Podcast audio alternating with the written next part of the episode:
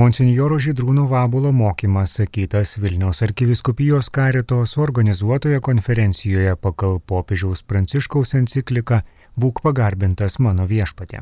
Garbėsiu Kristui, kalbėsimės apie popiežiaus Pranciškaus encikliką Laudato Si.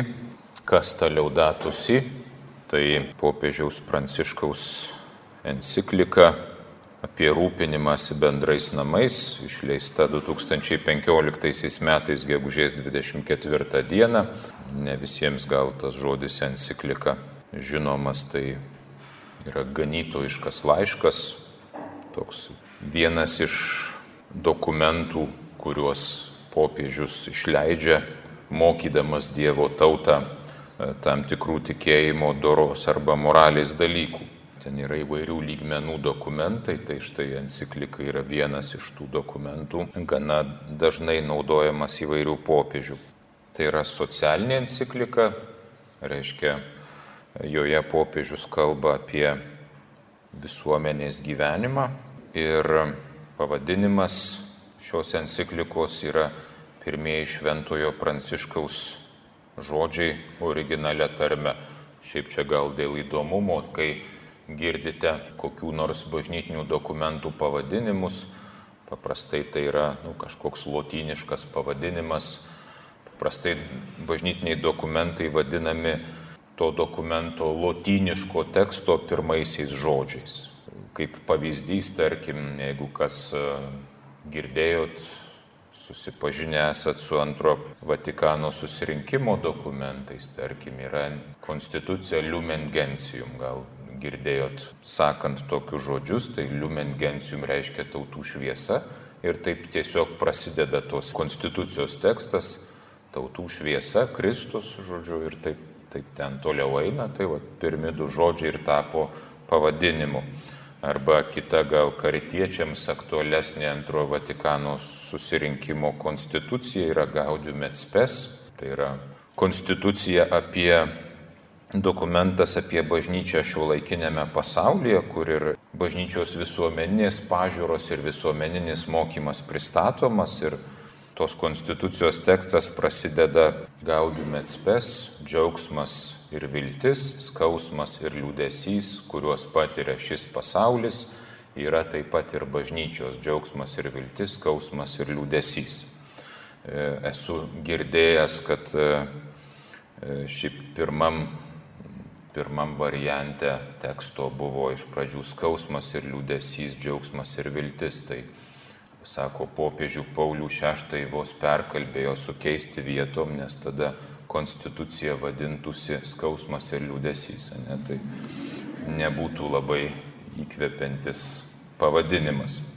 Tai čia tokie skliausteliai apie tuos bažnytinių dokumentų pavadinimus, kad žinotumėt, kas jie yra, iš kur jie yra. Tai šita enciklika yra viena retesnių, vienas retesnių pavyzdžių, kai pavadinimas nėra lotyniškas. Popiežius tiesiog ima švento pranciškaus giesmę ir tas liaudatos įreiškia būk pašlovintas tuo metinę Asydžiaus e, apylinkių tarme. Tai va ir kadangi šiemet yra penkeri metai nuo enciklikos paskelbimo, tai visuotinėje bažnyčioje paskelbti liaudatos į metai, siekiant dar kartą įsigilinti į enciklikos išsakytas mintis, nu ir žinoma labiau gal jas e, taip pat ir pagalvoti, kaip įgyvendinti. Tai šitie metai tęsiasi, kaip matot, nuo gegužės 24 šių metų iki atitinkamai kitų metų gegužės 24-osios, tai dar yra laiko ką nors padaryti, jeigu iki šiol nieko nepadarė. Koks šios enciklikos tikslas, tai čia gana ilga citata iš įžangos, bet e, popiežius sako, kad sesuo žemė dabar protestuoja dėl žalos, kurią jai darome, neatsakingai naudodamiesi bei piknaudžiaudami jai Dievo duotomis gerybėmis užaugome manydami, jog esame jos savininkai ir šeimininkai, turintys teisę ją plėšti. Smurtas glūdintis nuodėmė sužeistojo žmogaus širdyje pasireiškia ir lygos simptomais regimais dirboje, vandenyje, ore ir visose gyvose būtybėse. Todėl engiama ir niokojama žemė labiausiai apleista bei trypiama iš visų vargšų, iki šiol tebedūsauja ir tebesikankina. Užmiršome, kad ir mes patys esame žemė. Čia jis primena pradžios knygos, pirmosios švento rašto knygos eilutę, kad Dievas padarė žmogų iš žemės dulkių. Tai mes patys esame žemė, planetos elementai sudaro mūsų pačių kūnus, jos oro kvepuojame, o jos vanduo teikia mums gyvastį ir mus atgaivina. Šitą ilgą citatą viena vertus pasako enciklikos temą ir žinoma šito pranešimo temą, kita vertus turim nesuklysti Liaudato si enciklika nėra ekologistinė, jinai yra ekologinė. Priesaga izmas paprastai reiškia kažkokio gero dalyko iškreipimą arba e, neteisingą supratimą. Nu, pavyzdžiui, yra žodis komunija ir yra žodis komunizmas. Suprantat, kad šiek tiek skiriasi, nors šaknis ta pati, ar ne? Tai dėmesio šita enciklika nėra ekologistinė. Ta prasme, kad sakanti tik tai dabar rūpinkimės aplinkiniu pasauliu. Popiežius net apie žemę kalba kaip viena iš vargšų, šiuo atveju labiausiai apleista ir trypiama, bet šita enciklika yra na, socialinė ekologinė arba karitatyvinė ekologinė, kuri kalba apie vargšus ir tai yra nuolatinė šito popiežiaus tema. Ir kaip vienas iš vargšų yra pristatoma Dievo kūrinyje žemė, nepagarba kuriai, kaip matysim paskui, ir atsiliepia irgi pirmiausia žmonėms patiriantiems skurdą. Pristatysiu enciklikos mintis ne visai pagal pačios enciklikos turinį, bet labiau tokia e, loginė seka, reiškia kokios yra problemos, tada kokios jų priežastys ir tada ką mes galim daryti. Matysite prie parašytų sakinių skliausteliuose vat, tokį skaičiuką, kaip čia 19, tai visi bažnytiniai dokumentai paprastai yra sudalinami teksto gabaliukais, kuriems suteikiami numeriai, kurie yra sunumeruojami.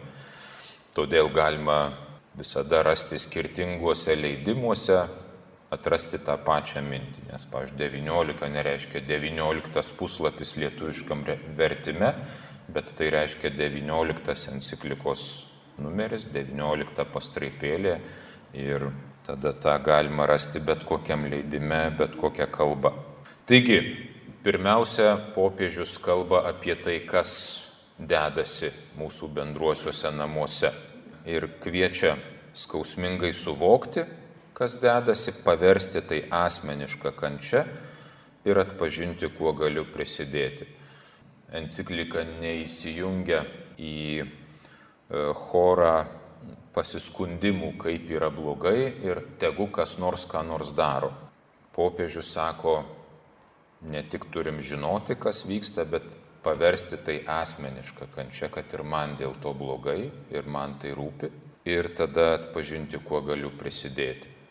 Pagrindinės problemos, kurias įvardina popiežius, nieko naujo, atsivertę kiekvieno naujienų portalo tą ekologijos kiltį galim apie tas pačias problemas smulkiau pasiskaityti arba įsijungę kiekvieną mm, laidą skirtą ekologijai irgi galim apie jas išgirsti. Tai pagrindinės problemos - atliekų gausa, įvairūs užterštumas, ypač vandens, bet žinoma, oro, taip pat dirbožėmio, biologinės įvairovės netektis, socialinis smukimas ir pasaulinis neteisingumas, neveiklumas viso to akivaizdoje.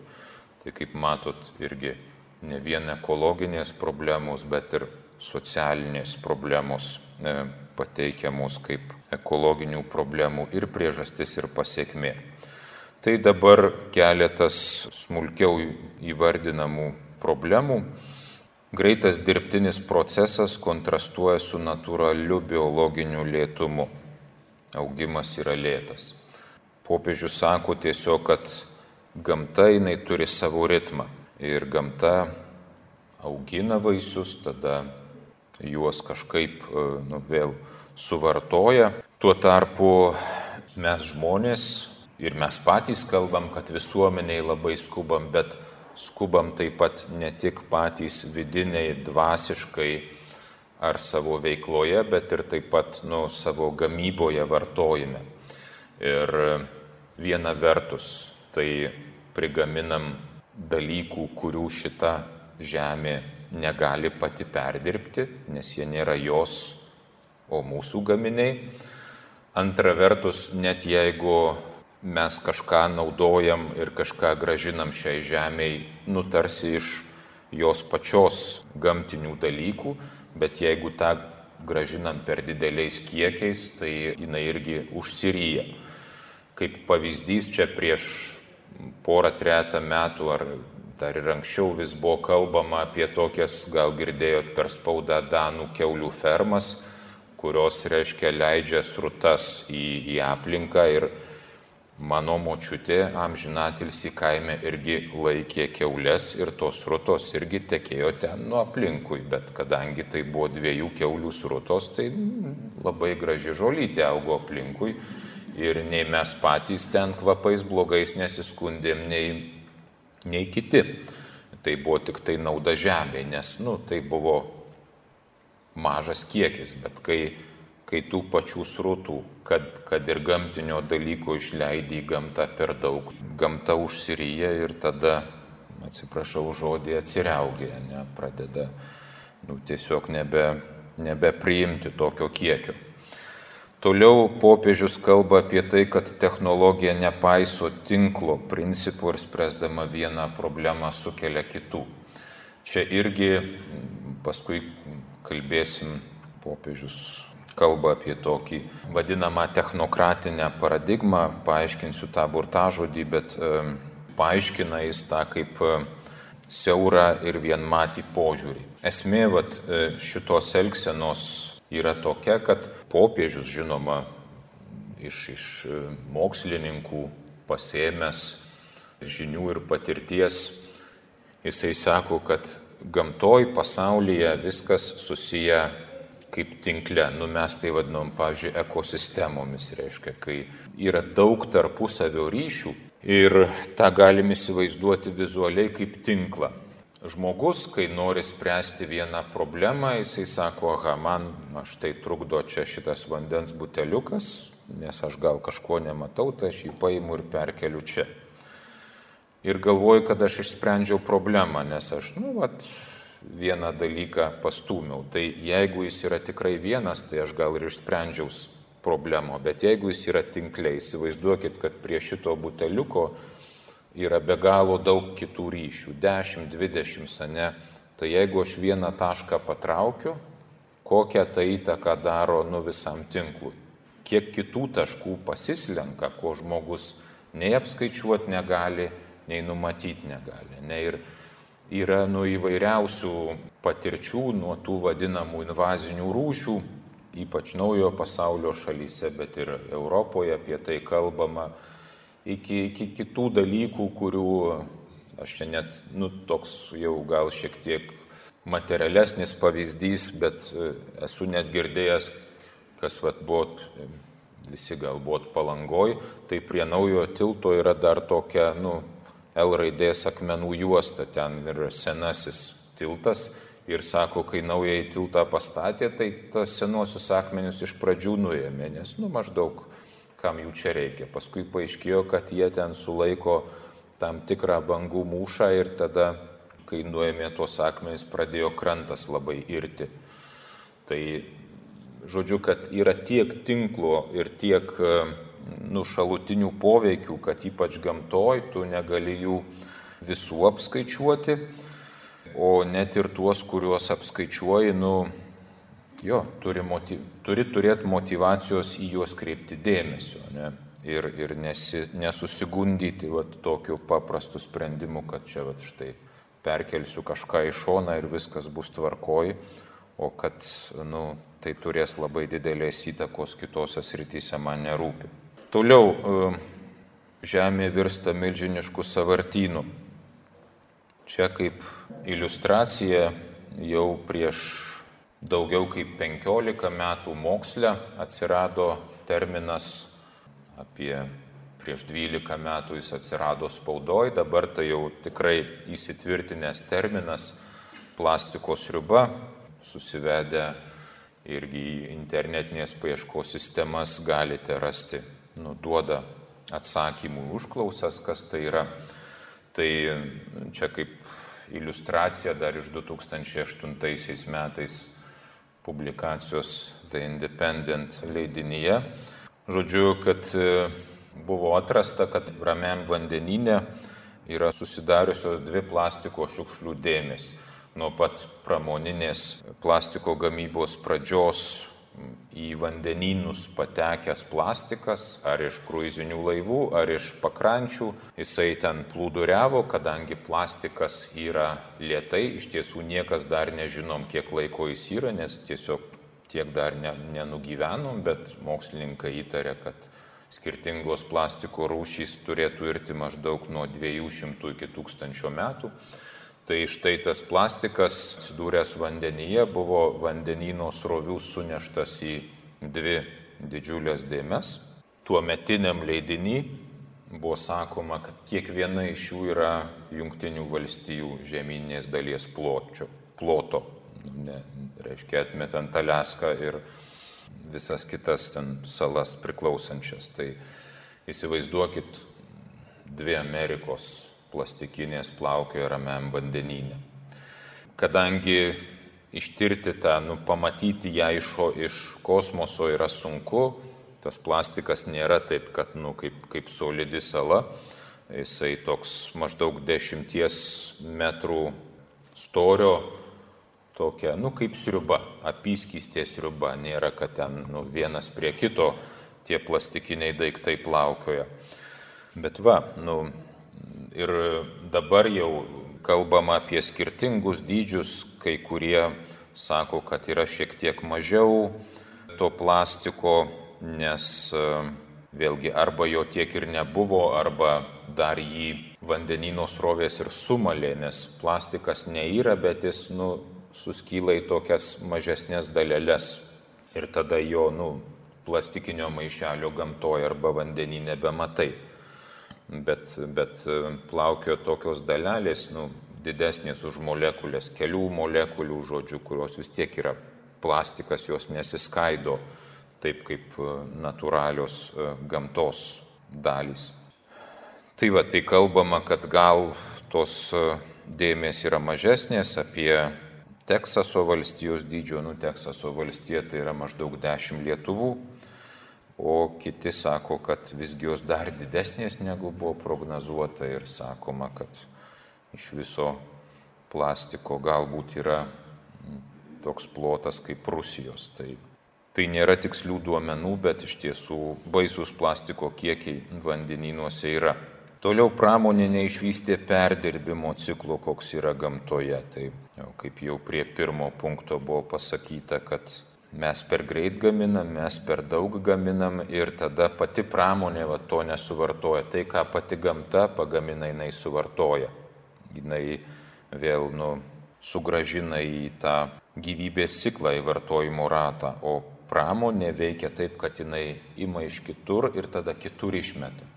Žodžiu, jinai neturi to ciklinio perdirbimo, o gamta irgi perdirbti negali. Nu, tokių čia viena jau sena nuotrauka, bet čia tik tai viena iš tūkstančių milijonų nuotraukų, kurių irgi galit nu, rasti pilną. Tai, kad tarkim, mat, gyvūnai, paukščiai palaiko plastikinius daiktus maistu ir jų prisilėsa, prisėda ir paskui žūva.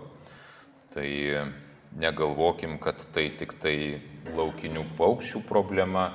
Plastikas jau yra nustatyta patekęs ir į žmonių maisto grandinę, nes nu, ne tokius, bet kitokius gyvūnus, kuriuos mes pasipjaunam ir suvalgom. Jų kraujyje jau tos mažos plastikos dalelės irgi cirkuliuoja ir, ir jau Kiekvienas iš mūsų turbūt irgi kažkiek jau plastiko savyje turi. Čia toks vat, pamastymas to popiežius nesako, bet, bet šiaip pamačius faktus apie tokį didelį jūrų užterštumą ir dėl to gaištančius gyvūnus, norom nenorom, tarkim, prisimena apreiškimo knygos aprašyti pasaulio pabaigos ženklai. Čia yra vienas iš septynių angelų, kurie turi Dievo septynis Dievo rūstybės dubenis. Ir, žodžiu, antrasis va išpylė savo dubenį jūron, ji tapo lyg numirėlio kraujas ir visi gyvūnai jūroje išgaišo. Trečiasis išlėjo savo dubenį upes ir vandens šaltinius ir jie pavirto krauju. Tai čia jokių būdų ne, nu kaip sakyti, nepranašauju, kad poryt pasaulis pasibaigs. Tiesiog, žinoma, tokių pranašyšių atpažinimų buvo ir anksčiau ir, ir nekarta žmonėms atrodė visai gal su pagrindu kai kuriems, kad regis, kad artėja pasaulio pabaiga, bet nu, mes negalim nekreipti dėmesio į tokius ženklus. Ir žinoma, nežinom nei dienos, nei valandos, nebent patys tą pasaulio pabaigą pagreitinsim arba suplanuosim, neatsakingai su žeme elgdamiesi. Toliau einam prie popiežiaus įvardinamų problemų, tai jis kalba apie be galo didelį vartojimą išsivyščiusių šalių bei turtingesnių visuomenės sluoksnių, kur įprotis eikvoti ir išmesti pasiekė neregėtą mastą, esamas vartojimo lygis negali išlikti. Čia paaiškinimas apie tą vartojimą, vartojimo ir išmetimo kultūra, kartais kultūra vadinama tiesiog kultūra, aš tai siūlyčiau kabutėse tą žodį vartoti, nes, kažin ar tą gali vadinti kultūra, gal kaip tik nekultūringumu. Tai viešas jos skatinimas prasidėjo Junktinėse valstijose po 29-30 metų didžiosios ekonominės krizės, vadintos didžiąją depresiją, ir kai reikėjo užkurti arba vėl įsukti beveik sustojusią ekonomikos mašiną, tai nu, reikėjo, kad būtų skatinama gamyba. Tada atsirado tokie šūkiai, kad maždaug kam taisyti seną skalbimo mašiną pirk naują. Tarkim taip. Tai va, tai tokia vartojimo ir išmetimo kultūra, kad daiktų netaisai, jų neprikelia antram gyvenimui, bet tiesiog nu, juos suvartoji ir išmeti. Vyskupas Antonijo Belio, italų vyskupas, dabar jau Dievo tarnas, aiškia, jį ruošiamas įskelbti palaimintojų, vienam savo tekste kalba apie ir tokias vidinės priežastis arba gilesnės priežastis, kodėl mes daiktų nebetaisom, o juos tiesiog išmetam. Tai ne tik dėl to, kad suktume ekonomiką arba kad tai patogiau, bet jisai sako, kad masinės gamybos daiktai nebeturi dvasios, nebėra žmogaus rankų kūrinys ir todėl jų nebevertinam, jie mums nebebrangus.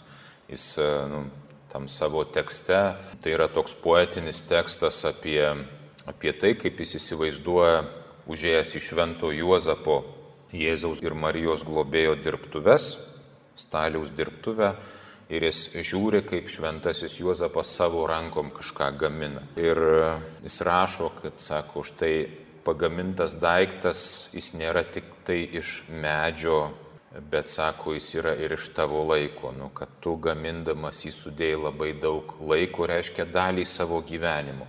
Ir už tai tu jį brangini, nes nu tarsi jam padovanoji dalį savo sielos. Dėl to tas daiktas yra savotiškai gyvas, jis yra originalus, jis yra, nu, kaip kūdikis, ne, kuris kiekvienas yra skirtingas, taip kiekvienas daiktas yra skirtingas. Tai sako, masinės gamybos, su masinės gamybos daiktais taip nėra. Ne, jie yra štampuojami, ta prasme, jie nu, turi kūną, bet neturi dvasios, nes niekas į juos ne, neįdėjo savo laiko ir savo nu, vat, rūpešio. Tai dėl to mes jų ir nebebranginam. Ir tas pats vyskupas sako, kad dabar, sako, ta taisyklė vartok ir išmesk, netgi žodžiai susikeitė vietom ir tapo išmesk ir vartok. Nes mes dabar jau išmetam ne tada, kai dar daiktas susidėvėjo ir jo nebesinori arba neapsimoka taisyti. mes jau išmetam anksčiau, kai jis dar nesusidėvėjo, bet tiesiog atsirado naujas modelis, madingesnis, brangesnis, įdomesnis ar panašiai. Popiežius va, kalba, kad mažuma tarėsi turinti teisę vartoti tokią proporciją, kuri negali tapti visuotinė, nes planeta neįstengtų pakelti tokio vartojimo atliekų. Ir čia labai siesi, žinoma, jau čia mano statistika jau sena, dabar naujos tiesą, kad nepaieškojau, nes ne visada tokiais pjūviais e, tikrinama ta statistika, bet žodžiu, kad jeigu kiekvienas žemės gyventojas vartotų kiek vidutinis amerikietis, mums reikėtų septynių žemės planetų, kad patenkintume poreikius ir turėtume kur sukrauti šiukšlės. Nu, europiečiai šiek tiek geriau atrodo, jiems užtektų penkių planetų. Tai Ir e, čia iš tiesų yra dilema, ne, dilema tarp dabartinės ekonomikos sampratos ir jos skatinimo ir aplinkos tausojimo, nes dabartinė ekonomika gyva, kai jinai sukasi kuo greičiau, o tam, kad jinai greitai suktųsi, nuolat ir turi būti skatinamas tas vartojimas ir išmetimas. Tai čia iš tiesų yra nu, didelė problema, nes tarkim, dėl pandemijos ir pas mus kai kurie verslai stoja, darbų žmonės netenka. Čia Betanija iš karto sulaukė trigubai daugiau norinčių pavalgyti, negu sulaukdavo prieš pandemiją. Tai nu, viena vertus atrodo žemė atsikvėpė ir oras švaresnis ir galbūt mažiau gamybinių atliekų, kita vertus iškart tą pajunta ir kaip žmonės ir kaip popiežius sako, pirmiausia, skurstantieji. Tai sprendimas aišku nėra paprastas. Toliau kalba popiežius ypač apie vandens užterštumą ir sako, kad tai ne tik ekologinė, bet ir socialinė žala, nes pirmiausia vargšai tą vandens trūkumą patiria. Jis pateikia ir, ir Afrikos pavyzdį arba kitų neturtingesnių regionų žemėje pavyzdį, kur Tarkim, jeigu pramonė užteršia kažkokius natūralius vandens šaltinius, tai tada žmonės tiesiog nu, nebeturi prieigos prie geriamo vandens. Tas vanduo galbūt pristatomas tada buteliuose, bet jie neįstengia jo nusipirkti, nes e, nėra pajėgus. Tai čia, čia dar lengvesnis variantas, jeigu tiesiog įkurta pramonės įmonė, kuri taip neatsakingai, bet nu, tarkim, kažką teršia tam, kad kažką gamintų. Yra ir tokių istorijų, kad kai, tarkim, į kažkokią Afrikos rytį ateina nauja įmonė, kuri prekiauja vandenį, jinai specialiai užteršia vandens šaltinius, kad žmonės nu, negalėtų iš jų gerti ir būtų priversti naudoti jų produkciją. Tai net ir, ir tokios grimasos pasaulyje egzistuoja. Rūšių praradimas yra irgi didelė problema. Ir popiežius kalba, kad viena vertus tai skriauda patiems žmonėms, nes nu, ta gamtos įvairovė, rūšių įvairovė naudinga ir iš togi mes gyvenam, tuo maitinamės, iš to gaminamės kažkokius savo reikalingus daiktus, bet popiežius atkreipia dėmesį, kad rūšys vertingos ne, dėl, ne tik dėl to, kad jos naudingos žmogui, o dėl to, kad jos yra Dievo kūryba. Ir kaip šventasis pranciškus toj savo giesmėje, kurios žodžiais ir ši enciklika pavadinta, sako, kad gamta šlovina Dievą, tai vad kažkas to Dievo nebešlovins, nes e, dėl žmogaus veiklos išnyks.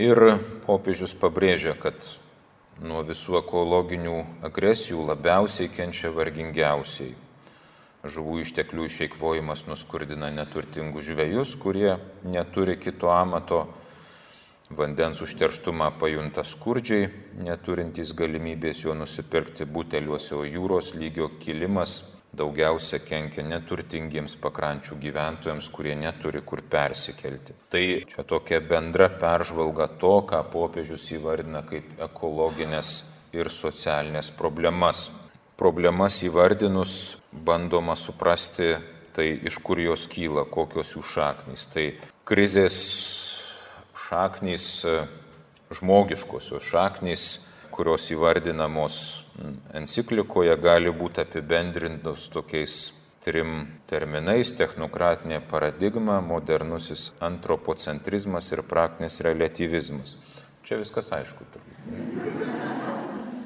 Tai gerai, kas, kas ta technokratinė paradigma? Tai technokratinė paradigma yra siauras ir vienmatis požiūris į aplinką kaip objektą, daiktą, kurį reikia užvaldyti ir panaudoti. Technokratija šiaip iš graikų kalbos išvertus reiškia specialistų valdžia, tarkim, taip.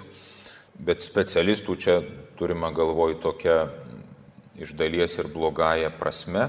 Tai čia apie tą patį tinklo principą, ne, kai nepaisoma tinklo principo ir manoma, kad va, jeigu reikia kažką išspręsti, užtenka padaryti vieną veiksmą ir visiškai nu, neatsižvelgti į kitus.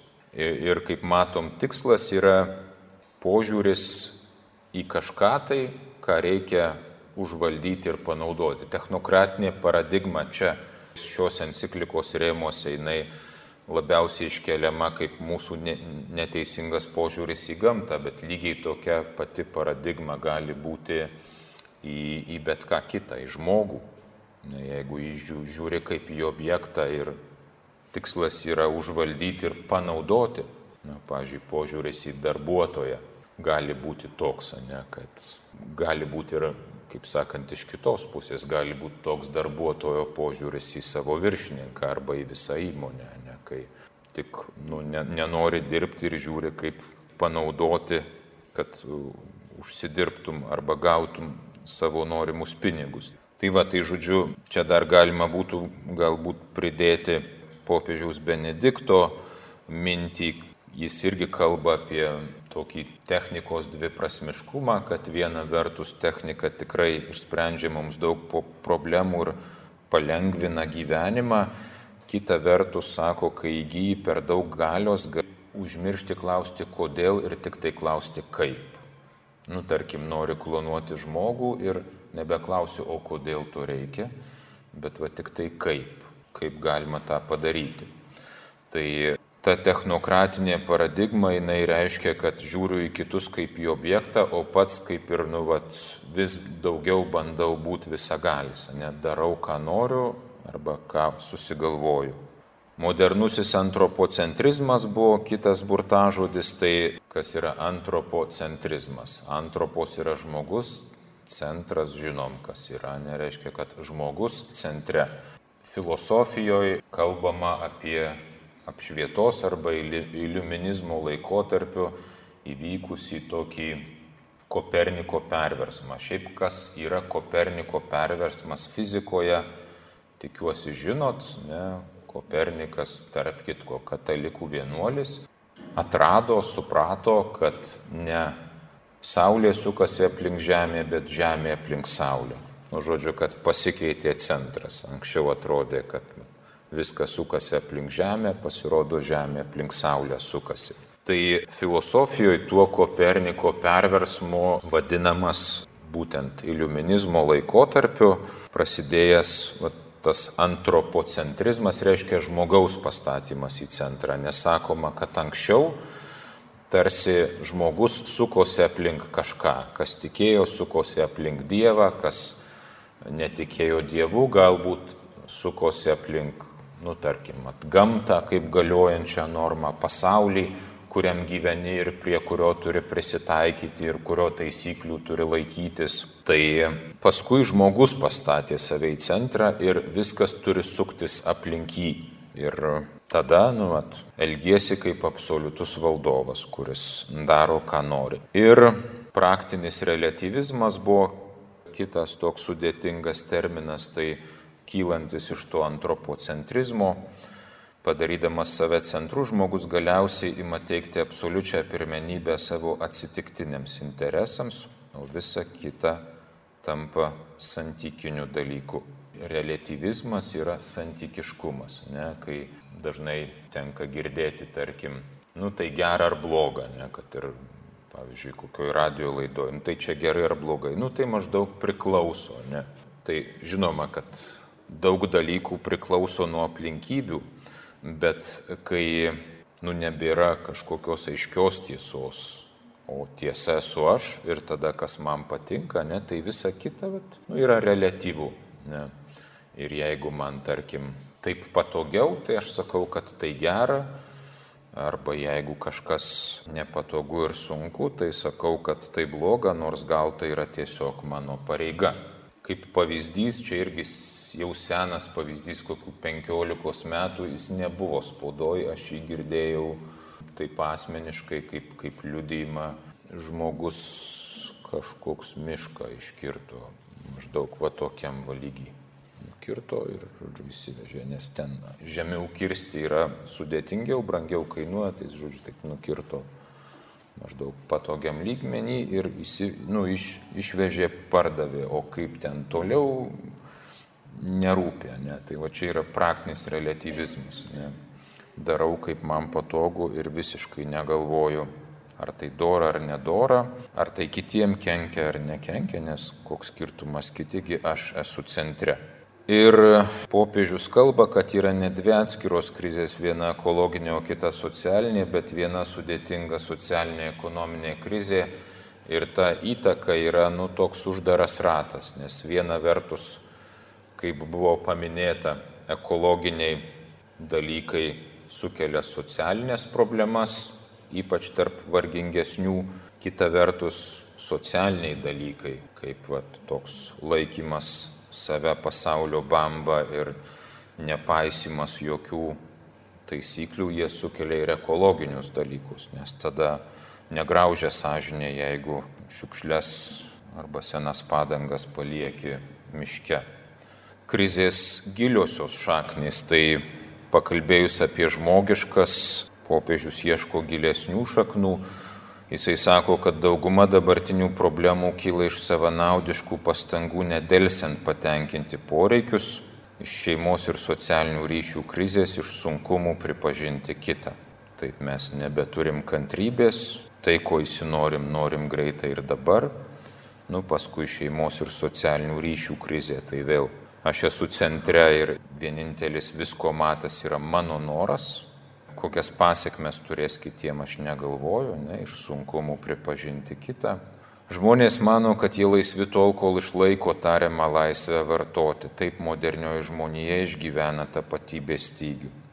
Tai va tas vartojimas, popiežius sako, nėra tik tai ekonomikos skatinimo klausimas, priežastis glūdi giliau, kad tokiu būdu mes užpildom kažkokią tuštumą patys savyje juo tuštesnė žmogaus širdis, juo, jam, juo labiau jam reikia pirkti, turėti ir vartoti daiktų. Ir toks subjekto tipas įsivyrauja visuomenėje, normos gerbiamos tik tiek, kiek jos neprieštarauja asmeniniams poreikiams. Laidoje girdėjote įrašą iš Vilniaus arkiviskupijos karitos organizuotos konferencijos pagal popiežiaus pranciškaus encikliką Būk pagarbintas mano viešpatė Monsinjoro Židrūno Vabulo mokymą.